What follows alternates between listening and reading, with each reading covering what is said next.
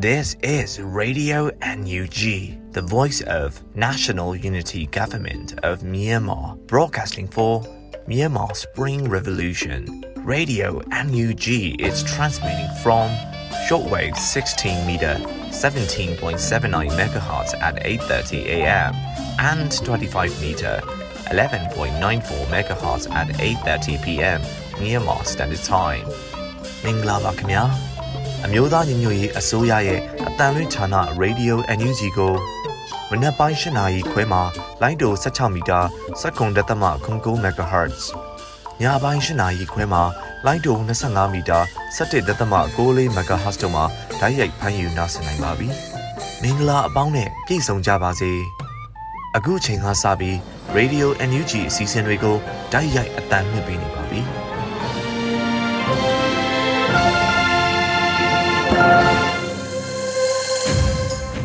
မြန်မာနိုင်ငံသူနိုင်ငံသားအပေါင်းတဘာဝပေးဆရာနာရှင်ပေတို့ကနေကင်းဝေးပြီးကိုစိတ်နှပါဘေးကင်းလုံခြုံကြပါစေလို့ရေဒီယိုအန်ယူဂျီဖွယ်သားများကဆုတောင်းမြတ်တာပို့သလာရပါတယ်ရှင်။အခုချိန်ကစပြီးကာကွယ်ရေးဝန်ကြီးဌာနရဲ့စီရေးသတင်းချင်းချုပ်ကိုတော့မျိုးဦးလင်ကမှဖတ်ကြားတင်ပြပေးပါမယ်ရှင်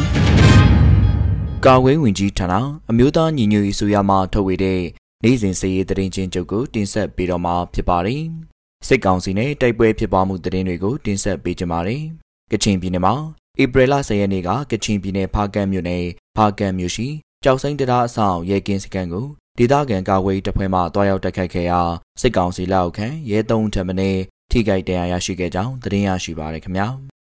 ကရင်ပြည်နယ်မှာဧပြီလ10ရက်နေ့က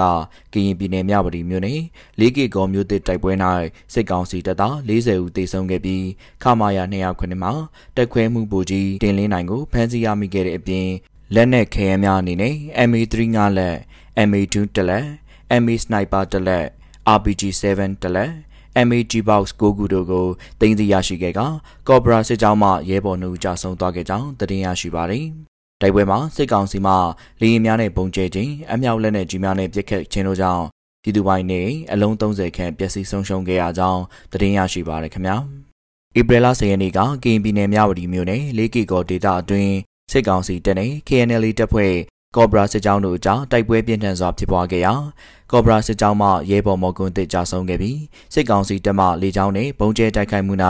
ဓာတုဘုံဟုယူဆရတဲ့ဘုံများပါဝင်ခဲ့ပြီးအဝါရောင်မှုန့်များလေထဲလွင့်ပြန်နေ၍ထူးဆန်းတဲ့အနံ့တစ်မျိုးကြောင့်ရဲဘော်တချို့မူဝေတဲ့ဝေဒနာများခံစားခဲ့ရကြောင်းသတင်းရရှိပါရခင်ဗျာ။ ကီယနီကယားပြည်နယ်မှာဧပြီလ10ရက်နေ့ကကီယနီကယားပြည်နယ်လွိုက်ကော်မြို့နယ်လွိုက်ကော်မြို့ရှိစစ်ကောင်စီရဲ့ခလာရ261တိုက်ကင်းပုံကို KNDF B12 မှာစနိုက်ပါနဲ့တွားရောက်ပစ်ခတ်ခဲ့ရာစစ်ကောင်စီဘက်မှတူးသေးဆုံးခဲ့ပြီးအချို့ထိခိုက်ဒဏ်ရာရရှိခဲ့ကြောင်းသတင်းရရှိပါရခင်ဗျာစကိုင်းတိုင်းမှာဧပြီလ10ရက်နေ့ကစကိုင်းတိုင်းကလေးမြို့နယ်နယ်ချောင်းကျွာရှိစစ်ကောင်စီတပ်ဖွဲ့နဲ့ကလေးမြို့နယ်ပါကာပါကလေး KI PDF တရင် CNDF CDF KKG PKDF ပူပေါင်းဖွဲ့တို့တိုက်ပွဲဖြစ်ပွားခဲ့ရာစစ်ကောင်စီဘက်မှတေဆုံးမှုများရှိခဲ့ကြောင်းသတင်းရရှိပါရခင်ဗျာမွန်ပြည်နယ်မှာဧပြီလ10ရက်နေ့ကမွန်ပြည်နယ်ဘီလင်းမြို့နယ်အဝင်းကြီးကျွော်အတွင်းအင်စီကာ3စီးနဲ့ရောက်ရှိနေတဲ့စစ်ကောင်စီတပ်သားအင်အား20ဦးခန့်ကို KNU ဘီလင်းပကဖာနဲ့ TPDF တို့မှတွားရောက်ပစ်ခတ်ခဲ့ရာစစ်ကောင်စီတပ်သား2ဦးထိခိုက်ဒဏ်ရာရရှိသွားကြောင်းသတင်းရရှိပါရခင်ဗျာ ဧပြီလ17ရက်နေ့ကမွန်ပြည်နယ်ဘီလင်းမြို့နယ်အထွန်းဘီလင်းတိုးဂိတ်အဟောင်းဖြစ်တဲ့ရွှေတန်လင်းတိုးဂိတ်ကိုစောင့်ကြည့်စစ်ဆေးနေတဲ့စစ်ကောင်စီတပ်များကို PDF အမှတ်နဲ့တရင်နဲ့ KNL တရင်နှင့်ခွဲနှင့်ပူးပေါင်းတပ်ဖွဲ့များဝင်ရောက်တိုက်ခိုက်ခဲ့ရာစစ်ကောင်စီဘက်မှထိခိုက်ကြဆုံးမှုများရှိခဲ့ကြောင်းသတင်းရရှိပါရခင်ဗျာ ဧပြီလ17ရက်နေ့ကမွန်ပြည်နယ်မော်လမြိုင်မြို့နယ်တိုက်ခမီလမ်းမကြီးပေါ်ရှိစစ်ကောင်စီရဲ့လက်အောက်ခံအမှတ်965တပ်ထိန်တပ်ကိုမော်လမြိုင်မြို့နယ်ပြည်သူ့ကာကွယ်တပ်ဖွဲ့များမှဖောက်ခွဲတိုက်ခိုက်ခဲ့ရာစစ်ကောင်စီတပ်သား2ဦးသေဆုံးခဲ့ပြီးအများအပြားထိခိုက်ဒဏ်ရာရရှိခဲ့ကြောင်းသတင်းရရှိပါရခင်ဗျာဆလဘီစစ်ကောင်စီကကျူးလွန်တဲ့ရာဇမှုတွေကိုတင်ဆက်ပေးကြပါမယ် ကီနီကယားပြည်နယ်မှာဧပြီလ17ရက်နေ့ကကီနီကယားပြည်နယ်ဖရူဆိုမြို့နယ်ထီတော်ကူနယ်ကဒါလာကျွရအနီးတဝိုက်မှာစစ်ကောင်စီကမိုင်းများထောင်ထားခဲ့ပြီးစိုင်ကယ်နဲ့ပြန်လာတဲ့စစ်ဆောင်ပြည်သူတို့မိုင်းထိခဲ့ပြီးထိခိုက်ဒဏ်ရာရရှိခဲ့ကြောင်းသတင်းရရှိပါရခင်ဗျာစကိုင်းတိုင်းမှာဧပြီလ10ရက်နေ့ကစကိုင်းတိုင်းကလေးမြို့နယ်ကလေးမြို့ပေါ်မှာစစ်ကောင်စီတပ်သားများကရန်တမ်းပစ်ခတ်တဲ့အတွက်ကြောင့်အပြစ်မဲ့ပြည်သူတို့တေဆုံးခဲ့ကြောင်းသတင်းရရှိပါရခင်ဗျာ မကွေးတိုင်းမှာဧပြီလ10ရက်နေ့ကမကွေးတိုင်းပေါ့မြို့နယ်တောင်ပိုင်းဇီးတော်ရွာ၌စစ်ကောင်စီတပ်ဖွဲ့များကဝင်ရောက်စီးနင်းခဲ့ပြီးမိရှို့ခဲ့ကပြည်သူ80ကျော်ကိုလည်းဖမ်းဆီးထားခဲ့ကြောင်းသတင်းရရှိပါရခင်ဗျာ။ဧပြီလ17ရက်နေ့ကမကွေးတိုင်းစိတ်ဖြူမြို့နယ်ရှားလာကျွရရှိနေများကိုစစ်ကောင်စီများကမိရှို့နေကြောင်းသတင်းရရှိပါရခင်ဗျာ။ဧပြီလ17ရက်နေ့ကမကွေးတိုင်းပေါ့မြို့နယ်တောင်ချိုကျွရရှိနေအိမ်များကိုစစ်ကောင်စီများကမိရှို့နေကြောင်းသတင်းရရှိပါရခင်ဗျာ။ မန္တလေးတိုင်းမှာဧပြီလ17ရက်နေ့ကမန္တလေးတိုင်းမတရားမြို့နယ်ကင်းကျေးရွာ၌စစ်ကောင်စီများက9ရက်4လ2022ခုနှစ်နေ့ရက်များမှာလူနေအိမ်များကိုမိရှို့ခဲ့တဲ့အတွက်ကြောင့်မိလောင်ပြင်မှာအပုပ်နှံထွက်၍လိုက်ရှာခဲ့ကြရာမိလောင်ကျန်းထားတဲ့ရုပ်လောင်းနှစ်ခုတွေ့ခဲ့ပြီးတေဆုံးသူများမှာအသက်50ကျော်အရွယ်ဦးကျော်စိုးနဲ့အသက်29နှစ်အရွယ်ကိုရာစာမင်းတို့ဖြစ်ကြောင်းသတင်းရရှိပါရခင်ဗျာ။ ရန်ကုန်တိုင်းမှာဧပြီလ17ရက်နေ့ကရန်ကုန်တိုင်းကော်မှုမြို့နယ်အမျိုးသားဒီမိုကရေစီအဖွဲ့ချုပ်တိုင်းဒေသကြီးအမှတ်နှစ်လွှတ်တော်ကိုယ်စားလှယ်ဦးစောမင်းအောင်ရဲ့နေအိမ်ကိုစစ်ကောင်စီများကလာရောက်ချိတ်ပိတ်ခဲ့ကြောင်းသတင်းရရှိပါရခင်ဗျာ။ AR တိုင်းမှာဧပြီလ10ရက်နေ့က AR တိုင်းပသိမ်မြို့နယ်ပသိမ်တက္ကသိုလ်မှာဥပဒေစရုပ်တာနှင့်ကျောင်းသားကိုအောင်တပ်ပိုင်အားပသိမ်ထောင်တွင်တရားရုံးမှာပုံမှန်905ကကြီးနဲ့ထောင်နဲ့နှစ်နှစ်ချမှတ်လိုက်ကြောင်းသတင်းရရှိပါရခင်ဗျာ။ ယခုတင်ဆက်သွားတဲ့သတင်းတွေကိုမြေပြင်သတင်းတာဝန်ခံများနဲ့သတင်းဌာနတွေမှာဖော်ပြလာတဲ့အချက်လက်တွေပေါ်အခြေခံပြုစုထားခြင်းဖြစ်ပါတယ်။ကျွန်တော်ကတော့ຫນွေဦးလင်ပါပါ။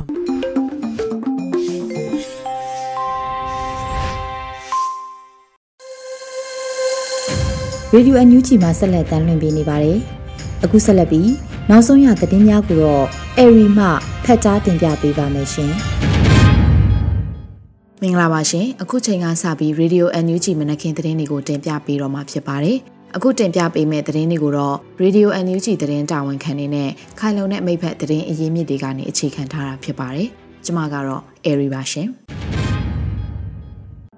ပထမဆုံးအနေနဲ့နိုင်ငံတော်ယာယီသမရအမိန့်နဲ့မြန်မာနိုင်ငံအင်ဂျင်နီယာကောင်စီနဲ့မြန်မာနိုင်ငံအင်ဂျင်နီယာအသင်းချုပ်တို့ကိုလက်ရှိတက်တန်းတွေကနေရပ်ဆိုင်းလိုက်တဲ့ဆိုတဲ့သတင်းကိုတင်ပြပေးပါမယ်။ နိုင်ငံတော်ယာယီသမရအမိန့်နဲ့မြန်မာနိုင်ငံအင်ဂျင်နီယာကောင်စီနဲ့မြန်မာနိုင်ငံအင်ဂျင်နီယာအသင်းချုပ်တို့ကိုလက်ရှိသက်တမ်းတွေကရပ်ဆိုင်းလိုက်တယ်လို့ဧပြီလ17ရက်နေ့မှာအမျိုးသားညီညွတ်ရေးအစိုးရနိုင်ငံတော်ယာယီသမရဒူဝါလက်ရှိလာကထုတ်ပြန်ကြေညာလိုက်ပါတယ်။ ထုတ်ပြန်ချက်အရနိုင်ငံတော်တည်ဆောက်ရေးနဲ့အများပြည်သူတွေဘေးရန်ရဲ့ကင်းရှင်းရေးကိုကာကွယ်ပြီးတာဝန်ယူဆောင်ရွက်ပေးရမယ့်အဖွဲ့အစည်းတွေဖြစ်ကြတဲ့မြန်မာနိုင်ငံအင်ဂျင်နီယာကောင်စီနဲ့မြန်မာနိုင်ငံအင်ဂျင်နီယာအသင်းချုပ်တို့ဟာပြည်သူလူထုရဲ့အသက်အိုးအိမ်စီးစိမ်ကိုအန္တရာယ်ပြုဖျက်ဆီးနေတဲ့အာဏာသိမ်းစစ်ကောင်စီနဲ့ပူးပေါင်းပြီးဆောင်ရွက်လျက်ရှိနေတယ်လို့ဖော်ပြထားပါတယ်။ဒါအပြင်ຫນွေဦးတော်လန်ရေးကာလအတွင်းမြန်မာနိုင်ငံအင်ဂျင်နီယာကောင်စီဟာလိုင်စင်ကြေးတွေကိုအတ္တမကောက်ခံပြီးအဲ့ဒီငွေကြေးတွေကိုစောက်လုပ်ရေးဝန်ကြီးဌာနကိုပေးအပ်ပြီး အာဏာသိမ်းစစ်ကောင်စီရဲ့လုပ်ငန်းတွေမှာတဒက်တအားပါဝင်ဆောင်ရွက်ပေးနေတာကိုအထောက်အထားခိုင်လုံစွာနဲ့သိရှိရတယ်လို့ဆိုပါတယ်။အဆိုပါမြန်မာနိုင်ငံအင်ဂျင်နီယာကောင်စီနဲ့မြန်မာနိုင်ငံအင်ဂျင်နီယာအသင်းချုပ်တို့ကိုတာဝန်ယူထိန်းကျောင်းဆောင်ရွက်နေတဲ့နာယကတွေကောင်စီဝင်တွေဗဟိုကော်မတီဝင်တွေသက်ဆိုင်ရာဆက်ဆက်ကော်မတီဝင်တွေအားလုံးရဲ့လက်ရှိသက်တမ်းအားဖြတ်သိမ်းပြီးတာဝန်မှရပ်ဆိုင်းကြောင်းကြေညာလိုက်တယ်လို့အမိန့်ကြေညာချက်အရသိရပါတယ်။ အဆိုပါတာဝန်မှရပ်ဆိုင်းခံရသူအားလုံးရဲ့လုပ်ငန်းဆောင်ရွက်မှုတွေအားလုံးကိုတရားဝင်မှုမရှိကြောင်းသတ်မှတ်လိုက်ပြီးမြန်မာနိုင်ငံအင်ဂျင်နီယာကောင်စီနဲ့မြန်မာနိုင်ငံအင်ဂျင်နီယာအသင်းချုပ်တို့ရဲ့တက်တန်းအသစ်ဖွဲ့စည်းခြင်းတွေအားလုံးကိုနိုင်ငံတော်သမ္မတရုံးကနောက်ထပ်အမိန့်တစုံတရာထပ်မံထုတ်ပြန်သည့်အချိန်ထိရပ်ဆိုင်းထားရမယ်လို့ဆိုပါတယ်ရှင်။ဆက်လက်ပြီးအမေရိကန်ပြည်ထောင်စုဟာမြန်မာပြည်သူတွေနဲ့အတူတကွဆက်လက်ရပ်တည်သွားမယ်လို့အမေရိကန်နိုင်ငံသားရေးဝန်ကြီးကပြောဆိုလိုက်တဲ့သတင်းကိုတင်ပြပေးပါမယ်။ အမေရိကန်ပြည်ထောင်စုဟာမြန်မာပြည်သူတို့နဲ့အတူတကွဆက်လက်ရပ်တည်သွားမယ်လို့အမေရိကန်နိုင်ငံသားရေးဝန်ကြီးအန်တိုနီဂျေဘလင်ကန်က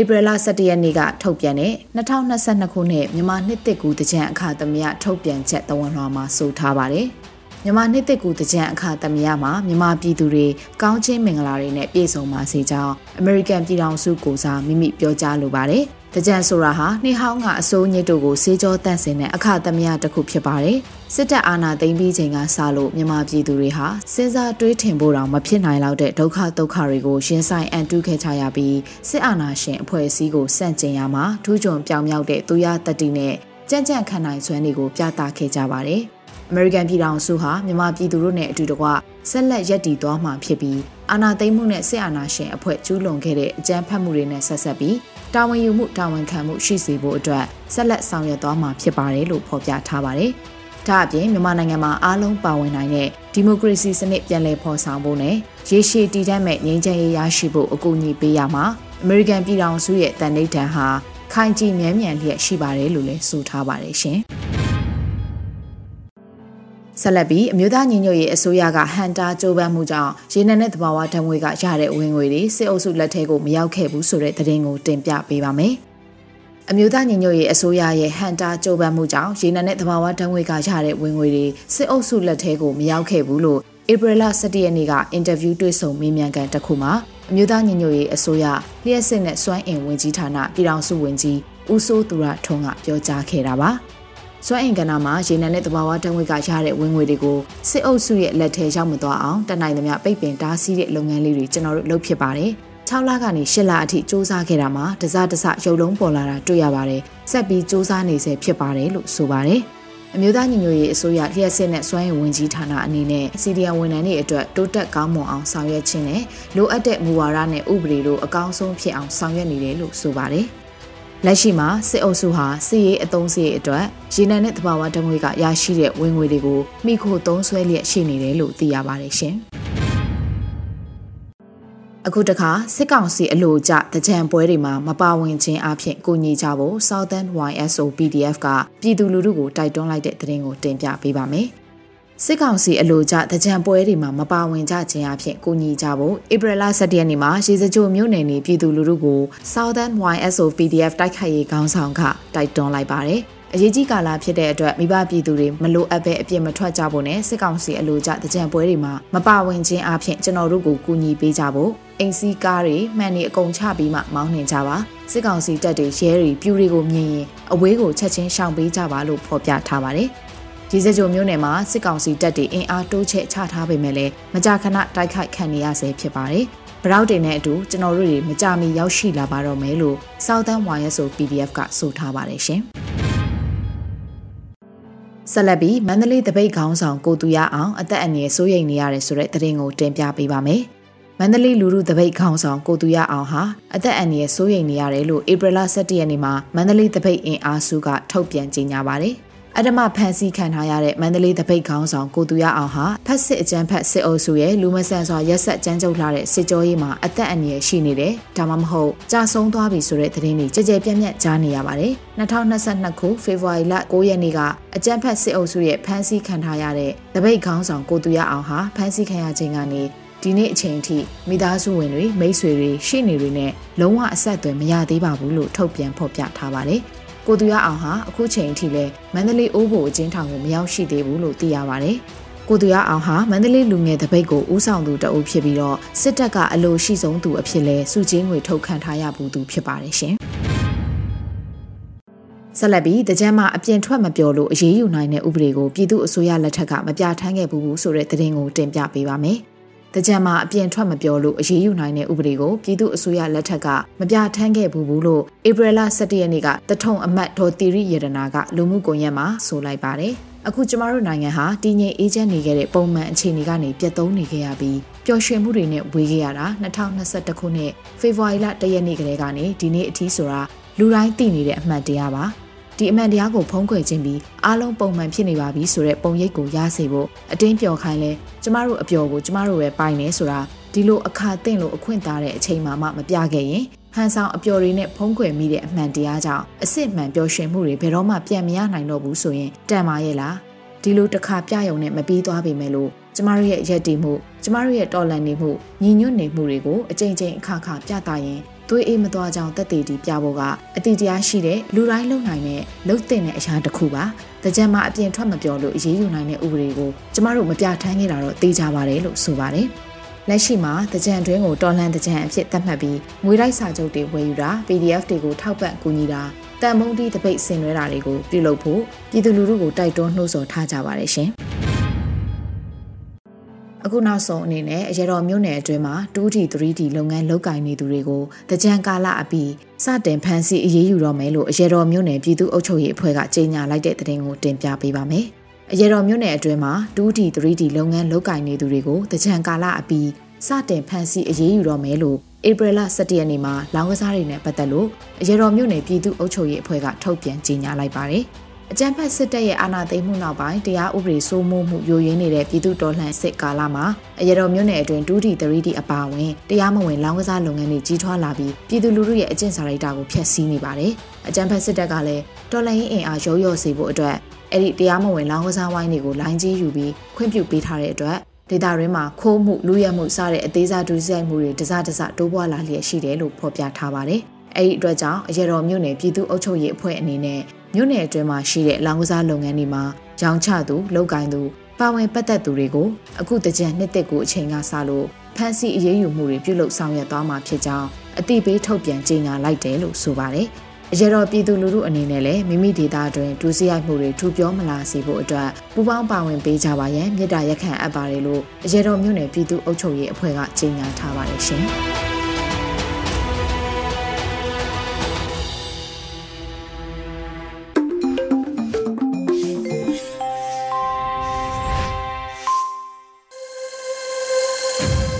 အခုတခါတော်လှန်ရေးကြပြအစီအစဉ်မှာတော့မင်းကိုနိုင်ရဲ့ကလေးတွေပဲရောက်နေလဲဆိုတဲ့တော်လှန်ရေးကြပြကိုနားဆင်ကြရမှာဖြစ်ပါတယ်ရှင်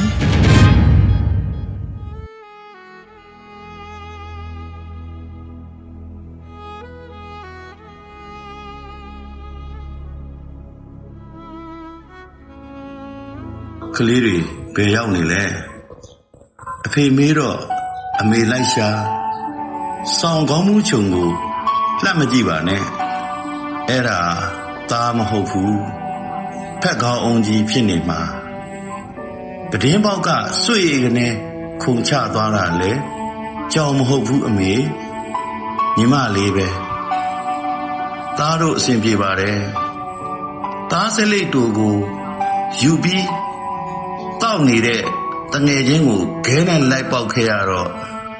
လက်နည်းနည်းတော့တုံနေတာပေါ့ ตาဒီစာရေးနေချိန်မှာညီမလေးကသူတောတိုးကစုပ်ပြဲခဲ့တဲ့ walking shoe လေးကို ပြန်ချုပ်ရင်းအိုးရဲဘောနဲနဲတော့နာမယ်နော်ဒီတော်လန်ရေးမှာအတူရှိပေးပါဖော်အဲ့ဒီလိုတချင်းလို့ဆိုနေလေရဲ့အလိုမရှိတချင်းနဲ့ တန်ဖုံးတီးပြီးအဲရင်ဘတ်တွေတီးပြီးအေးစေးပြောခဲ့တာပဲမရဘူးအဖေရဲ့တားတငယ်ချင်းတွေကိုသူတို့ပြစ်ချတယ်တဲအိတ်လေးတွေရင်ကောင်းလောက်ကတော့လေတတဝါနဲ့လက်နဲ့မမျှအောင်သူတို့ပြုတ်ရကြပြန်တယ်အရွယ်ချင်းတူရင်ပင့်ကူမြင်ဟာတမဏိကျိုးထက်ပိုးခိုင်တာတားတင်ဘူးတာပေါ့ တမှုရိယပိုးကျိုးဟာပင့်ကူမြင်ထက်ပိုးခိုင်တာလဲတားရင်အမျှသိခဲ့ရပေါ့ဒါပေမဲ့အဖေယာဒါပေမဲ့တွေရဲ့နောက်မှာအရှိဝကြကိုညှင်းဆန်မဲ့အတိတ်ပဲတွေနဲ့ခြီကန်ရတော့မှလေသားတို့အစဉ်ပြေပါတယ်မြစ်ဖြားမှာကြာအေးစောရအိုင်စကားအပြိုင်တင်သူတင်မြစ်ကြီးမှာ ဖာတီအမိုးတောင်ရတဲ့ရတော့အလေငါပြောမဲရွှေရှင်မရင်ရဲ့နင်းစင်ရင်အိုးအဲ့လိုအော်ဆိုရင်ဝိုင်းလို့ဝိုင်းစားနေဘက်ပင်မထားတော့ညအိမ်မထဲအပေါ်သွားတစ်ချောင်းပြုတ်ရင် အမျိုးတဲကလူကြီးတယောက်များကိုဘစ်ခေါ်ရာငေါက်ခနဲပါပြီလားဇောချွေးများတော့ပြန်ရတာတော့ရှိတာပေါ့ သားတို့အစဉ်ပြေပါတယ်ရန်သူကြားအောင်ပူကဝိုင်းမှာဘာလာလာထောင်းတယ်လို့လက်ထိတ်အိမ်ကို6ရသလိုအစဉ်ပြေပါတယ်မျောနေကြတာလည်းသိတယ်မီးပြင်းတိုက်ထုရိုက်ခံနိုင်မှတပည့်ကိုတည်းကဓာကောင်းတွေထွက်လာမှလဲသားတို့သိတယ်လေသားတို့အစဉ်ပြေပါတယ် မနေ့ကလေ့ကျင့်ရင်ပြုတ်ကြလို့ရင်ဘတ်ညာဘက်နည်းနည်းအောက်ညကြတော့ပြန်ကျင်စောအလွမ်းကလက်သီးပုံအထိုးခံရလို့ဘယ်ဘက်ရင်ဘတ်နည်းနည်းစူးဒါကလွဲရင်အားလုံးအစဉ်ပြေပါတယ်အဖေသားတို့ကိုလွမ်းရင်နေကောင်းအောင်နေကြသားရဲ့အကြောင်းကိုတုံးလုံးလေးကိုသားကိုစားအလွမ်းပြေအင်ကြီးကလေးဝတ်ပေးထားပေါ့ညီမလေးကတော့ သူ့လက်ထဲတနတ်ရောက်တာနဲ့တဟီးဟီးငိုရင်းကြောက်ကြောက်နဲ့ပြစ်ထည့်လိုက်တာမဲသူကသားထက်တောင်လက်တဲ့တယ်ဒါကလည်းလူရမေရပါအမေယာသူကစေးကုပေးမှာတဲ့ပြန်လာခဲ့တော့မှာပါစိတ်ချပြက်ကတိန်တရွက်လှန်လိုက်ချိန်အိမ်ဝါကခေါင်းလောင်းတန်ကြားရင်ဖွင့်ကြည့်လိုက်တော့ ဘယ်သူမှမရှိအဖေတို့ရင်ထဲဟာကနေဖြစ်သွားမှတကားကြားကဘွာကနေသားကပေါ်လာမှာဒီအချိန်မှာညီမလေးကတော့သူကြော်ထွက်သွားတဲ့ပဒင်းပေါက်ကပဲကြောင်ကလေးလိုဆွေကနေခုံဝင်လာမှာပေါ့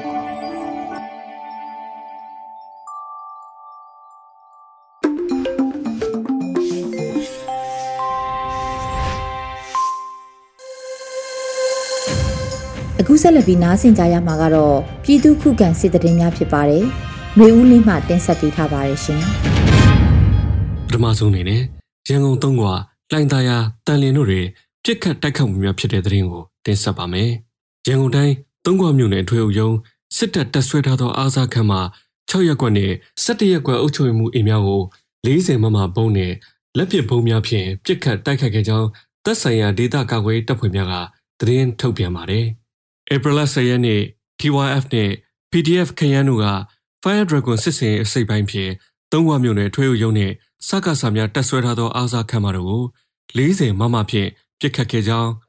တပန်6ရက်ကွက်အုပ်ချုပ်မှုအိမ်နဲ့17ရက်ကွက်အုပ်ချုပ်မှုရုံးတို့ကိုလည်းလက်ပစ်ဘုံဖြင့်ပြစ်ခတ်ခဲ့ကြောင်းသတင်းထုတ်ပြန်ထားပါတယ်။လိုင်သာယာတွင်အလုသမားများကိုဖိနှိပ်နေသောစက်ရုံအလုယုံပိုင်များလာရောက်စုဝေးစားတောက်လို့ရှိသည့်နေရာများကိုယနေ့ည9:40မိနစ်အချိန်တွင် အဝေးထိန်းငါးလုံးတွက်ဖြင့်ဖောက်ခွဲခဲ့ကြောင်း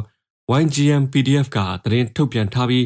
ည7:00နာရီအထိပြစ်ခတ်သံများကြားနေရကြောင်းသိရှိရပါတယ်။10:30မိနစ်အချိန်လိုင်တာယာသမကုန်းနှင့်ဒဂုံအေယာအဝေးပြေးနီဝင်းကျင်တွင်ပြင်းထန်သောပောက်ကွဲသံများ၄ချိန်ခန့်ကြားရကြောင်းဒေသခံများထံမှသိရှိရတာပါ။ဆက်လက်ပြီးတောင်သာတွင်ဗိုလ်မှူးတဦးလိုက်ပါလာသောကာရန်ပြစ်ခတ်တိုက်ခိုက်ခံရတဲ့သတင်းကိုတင်ဆက်မှာပါ။အလားတူဧပြီလ10ရက်နေ့နနက်9:30မိနစ်အချိန် တန်လျင်မြို့နယ်ရုံးတော်ရက်ကွက်မင်းရဲကျော်စော်လန်းရှိအကြမ်းဖက်စစ်တပ်ပိုင်းမိုင်းတဲကျုံကန်တွင်ဘုံဖြင့်တိုက်ခိုက်ခဲ့ကြောင်း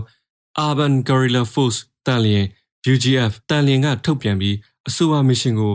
Urban Guerrilla Force တန်လျင် UGF တန်လျင်နဲ့ United Warriors Force မဟာမိတ်အဖွဲ့တို့ကပူးပေါင်းမစ်ရှင်ပြုလုပ်ခဲ့ကြောင်းသိရှိရပါတယ်။အလားတူမန္တလေးတိုင်းတောင်သာမြို့နယ်တွင်ဗိုလ်မှူးတဦးလိုက်ပါလာသည့်ရင်ထမ်းကိုအနီးကပ်တိုက်ခိုက်ခဲ့ရာ တေဆုံးသူ2ဦးရှိကြောင်း PDF တောင်သာကသတင်းထုတ်ပြန်ပါတယ်။ April 10ရက်နေ့နနက်3:48မိနစ်တွင် MPT 1L 3637 Dabagat ရင်ကိုတောင်သာမြို့နယ်၏ယုံစီတိုက်နယ်တန်ဖိုစရက်အနီးတွင် rifle စုံ3လက်ဖြင့်အချက်40ခန့်ပစ်ခတ်ခဲ့ကြောင်းထို့ပြင်တောင်သာမြို့နယ်စစ်ကောင်စီတောက်တိုင်အဖြစ်ရပ်တည်နေသောကဘာလုံးတောင်စီဆိုင်အားယနေ့နနက်ပိုင်းကတတိပေးဘုံတလုံးပစ်သွင်းခဲ့ပြီး တတိပေးခဲ့ကြောင်း PDF တောင်တာကထုတ်ပြန်ထားပါတယ်။နောက်ဆုံးအနေနဲ့ဘီလင်းတိုးဂိတ်အဟောင်းရှိအဆောက်စစ်ကောင်စီတပ်ပစ်ခတ်တိုက်ခိုက်ခံရတဲ့တဲ့ရင်ကိုဆက်လက်တင်ဆက်မှာပါ။မွန်ပြည်နယ်ဘီလင်းမြို့နယ်အထွတ်တိုးဂိတ်အဟောင်းတွင်စောင့်ကြည့်စစ်ဆေးနေသောစစ်ကောင်စီတပ်များကိုယနေ့နနက်ပိုင်းလက်နက်ကိုင်အဖွဲ့တချို့ကတိုက်ခိုက်ခဲ့ကြောင်းဒေသခံများထံမှသိရှိရပါတယ်။အထိကိကိုတော့မသိရှိရသေးပဲစစ်ကောင်စီကစစ်ဆေးပိတ်ဆို့မှုတွေလှုံ့ဆော်နေတယ်လို့သိရပါတယ်ခင်ဗျာ။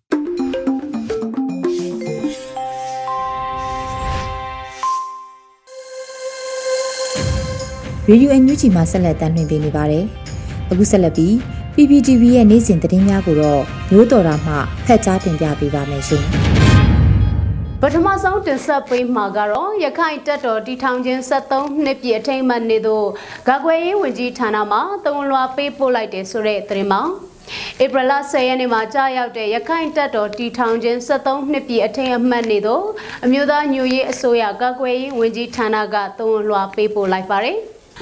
ဒဝန်လွာထဲမှာ2009ခုနှစ်ဧပြီလ10ရက်မှာစတင်တည်ထောင်တဲ့ရခိုင်တပ်တော်73နှစ်ပြည့်အထိမ်းအမှတ်နေ့ကိုဂုံယူစွာဖြင့်ဒဝန်လွာကိုပေးပို့အပ်ပါတယ်လို့ဖော်ပြထားပြီးအမျိုးသားတန်တူရေးနဲ့ကိုပိုင်ပြဋ္ဌာန်းခွန်အလို့ငါတပ်တော်တရက်ကိုတည်ထောင်ပြီးနောက်ရဲရင်ထက်မြက်မှုစွန့်လွတ်ပေးဆက်မှုများစွာဖြင့်တိုက်ပွဲဝင်လျက်ရှိတဲ့ရခိုင်တပ်တော်ကောင်ဆောင်တွေရဲဘော်တွေအားလုံးကိုလေးစားဂုဏ်ပြုအပ်တယ်လို့ဖော်ပြထားပါတယ်။ယနေ့အချိန်မှာပြည်တော်စုသားအားလုံးရဲ့ဘုံရန်သူဖြစ်လျက်ရှိတဲ့ဖက်စစ်ဝါဒီတွေကိုစန့်ကျင်တိုက်ဖြတ်ရမှာရခိုင်တပ်တော်ကပြည်သူ့ကာကွယ်ရေးတပ်မတော်အပါအဝင်တရင်သားတော်လှန်ရေးအဖွဲ့အားလုံးနဲ့လက်တွဲပြီးအတူတကွကြိုးပမ်းလိမ့်မယ်လို့ယုံကြည်ပါကြောင်းနဲ့ရခိုင်အမျိုးသားတို့ရဲ့ကြီးမြတ်တဲ့နိုင်ငံရေးမျှော်မှန်းချက်တွေလည်းပြည့်ဝအောင်မြင်ပါစေကြောင်းစုမုံကောင်းတောင်းပေးထားတာတွေ့ရပါတယ်ဆက်လက်တင်ဆက်ပေးမှာကတော့အကြမ်းဖက်စစ်ကောင်စီကမကွေးတိုင်းမှာရွာလုံးကျွမိရှုပ်မှုတွေပြုလုပ်နေပြီးတော့လူသားတိုင်းအဖြစ်လှုံ့ဆော်နေတယ်ဆိုတဲ့သတင်းပါ အကြမ်းဖက်စစ်ကောင်စီကမကွေတိုင်းပေါ့မြို့နယ်နဲ့စိတ်ဖြူမြို့နယ်အတွင်းမှာရှားလာကျေးရွာနဲ့တောင်ချိုကျေးရွာတွေကိုစစ်ကောင်စီတပ်တွေကလက်နက်ကြီးတွေနဲ့ပစ်ခတ်ပြီးရွာလုံးကျွမိရှုဖျက်ဆီးမှုတွေပြုလုပ်နေတယ်လို့ဒေသခံတွေကပြောပါတယ်။ဒီနေ့မနေ့6နိုင်ခွဲခန့်လောက်မှာစိတ်ဖြူမြို့နယ်ရှားလာရွာကိုမိရှုမှုတွေလုပ်ခဲ့သလိုနနက်၈နိုင်40မိနစ်အချိန်မှာပေါ့မြို့နယ်တောင်ချိုရွာကိုလည်းမိရှုမှုတွေလုပ်ခဲ့တာဖြစ်ပါတယ်။ အဲ့ဒါပြင်ဒေသခံပြည်သူ့ကာကွယ်ရေးမဟာမိတ်တပ်တွေရဲ့ခုခံရင်ဆိုင်မှုတွေရှိခဲ့တာကြောင့်အနည်းဆုံးပြည်သူ10ဦးထက်မနည်းဖမ်းဆီးပြီးလူသားတိုင်းအဖြစ်အသုံးပြုနေတယ်လို့ဒေသခံတွေကဆိုပါတယ်စက်ကောင်စီတပ်တွေကမနေ့ကဖြစ်ပွားခဲ့တဲ့တိုက်ပွဲအတွင်းမှာအထီးခိုက်အကြဆုံးများပြားခဲ့တာကြောင့်ဒီနေ့အင်အားအလုံးအရင်နဲ့အနည်းဆုံးစစ်ကြောင်း၃ကြောင်းခွဲပြီးလက်နက်ကြီးတွေတရဆက်ပစ်ခတ်ထိုးစစ်ဆင်နေတာလည်းဖြစ်ပါတယ်။ ဒေသခံ BTF တွေကလည်းခုခံကာကွယ်မှုတွေပြုလုပ်နေတာကြောင့်စစ်ရေးတင်းမာမှုတွေရှိနေတယ်လို့ဒေသခံကာကွယ်ရေးအဖွဲ့တွေကဆိုပါတယ်။ရှားလာကြီးရွာဟာရခိုင်ကရွာလုံးကျွမိရှုခံခဲ့ရတဲ့ကင်မာလေယာလက်ပံလှရွာတွေရဲ့တောင်ဘက်မှာရှိပြီးစိတ်ဖြူမြို့နယ်ကပိုင်ဝင်ကြီးကျေးရွာတွေနဲ့လည်းနေနမိတ်ထိဆက်လျက်ရှိနေပါတယ်။ အခုနောက်ဆုံးအနေနဲ့မြန်မာနိုင်ငံတဝန်းကလူမျိုးပေါင်းစုံဘာသာပေါင်းစုံပါဝင်တဲ့ဆီယနာရှင်မြစ်ပြတ်ချင်းမုံရဲ့လူထုဆန္ဒပြပွဲသတင်းတွေကိုစူးစီးတင်ဆက်ပေးမှာပဲဖြစ်ပါတယ်။စကိုင်းတိုင်းရမပင်ခရိုင်ထဲကရမပင်အရှိချမ်းနဲ့စလင်ကြီးမြောက်ချမ်းတို့ပူပေါင်းထားတဲ့ရွာပေါင်းစုံတပိတ်စစ်ကြောင်းကလည်းဒီနေ့မနေ့မှာဆီယနာရှင်စန့်ကျင်ရေး398ရက်မြောက်ဆန္ဒပြပွဲကိုပြုလုပ်ခဲ့ကြပါတယ်။ ဆန္ဒပြပြည်သူတွေကတကြမှာရိတ်မကတော်လှန်တွေမဆိုတဲ့စာသားတွေကိုင်းဆွဲပြီးခြိတက်လှဲ့လေဆန္ဒပြခဲ့ကြတာပါ။လောင်းလုံမြို့နယ်မှာလောင်းလုံမြို့နယ်လုံးဆိုင်ရာအခြေခံကျောင်းသားများတမကနဲ့တော်လှန်လူငယ်တွေပူးပေါင်းပြီးဆီယနာရှင်စန့်ကျင်ရေးဆန္ဒပြလှုပ်ရှားမှုကိုဒီနေ့မနေ့မှာပြုလုပ်ခဲ့ကြပါတယ်။ ဆန္ဒပြပြည်သူတွေကအိမ်တွင်းသပိတ်အဖြစ်နဲ့အကြမ်းဖက်စစ်တပ်ကပြုလုပ်မဲ့တကြံပွဲတွေမှာပြည်သူတွေမပါဝင်ကြဖို့အရေးဆန္ဒပြလှုပ်ရှားမှုတွေပြုလုပ်ခဲ့ကြတာပါ။စကိုင်းတိုင်းကလေးမျိုးမှာအကြမ်းဖက်စစ်ကောင်စီကလုံခြုံရေးတင်းကျပ်နေတဲ့ကြားကဆီယနာရှင်စန့်ကျင်ရေးဆန္ဒပြသပိတ်ကို428ရက်မြောက်အဖြစ်နဲ့ဒီနေ့မနေ့မှာပြုလုပ်ခဲ့ကြပါတယ်။ ဆန္ဒပြပြည်သူတွေကပေတရားပေါ်မှာစီးတဲ့သွေးကိုတကြံရည်နဲ့မစေးကြောဆိုတဲ့စာသားတွေကန်ဆောင်ထားသလိုသွေးတကြံခွေးတကြံကလေးမကြံတော်လှန်ဆို့အလံမလိတ်တဲ့တကြံတပိတ်တို့ပြည်သူတွေညီရဲ့လာဟိတ်ဆိုတဲ့စာသားတွေကန်ဆောင်ပြီးချီတက်ဆန္ဒပြခဲ့ကြတာပါဒါကတော့ဧပြီလ17ရက်နေ့ဆီယနာရှင်မြစ်ပြတ်ချင်းမုံရီလူထုဆန္ဒပြပွဲသတင်းတွေကိုစူးစီးတင်ဆက်ပေးခဲ့တာပဲဖြစ်ပါတယ်ကျေးဇူးတင်ပါတယ်ရှင်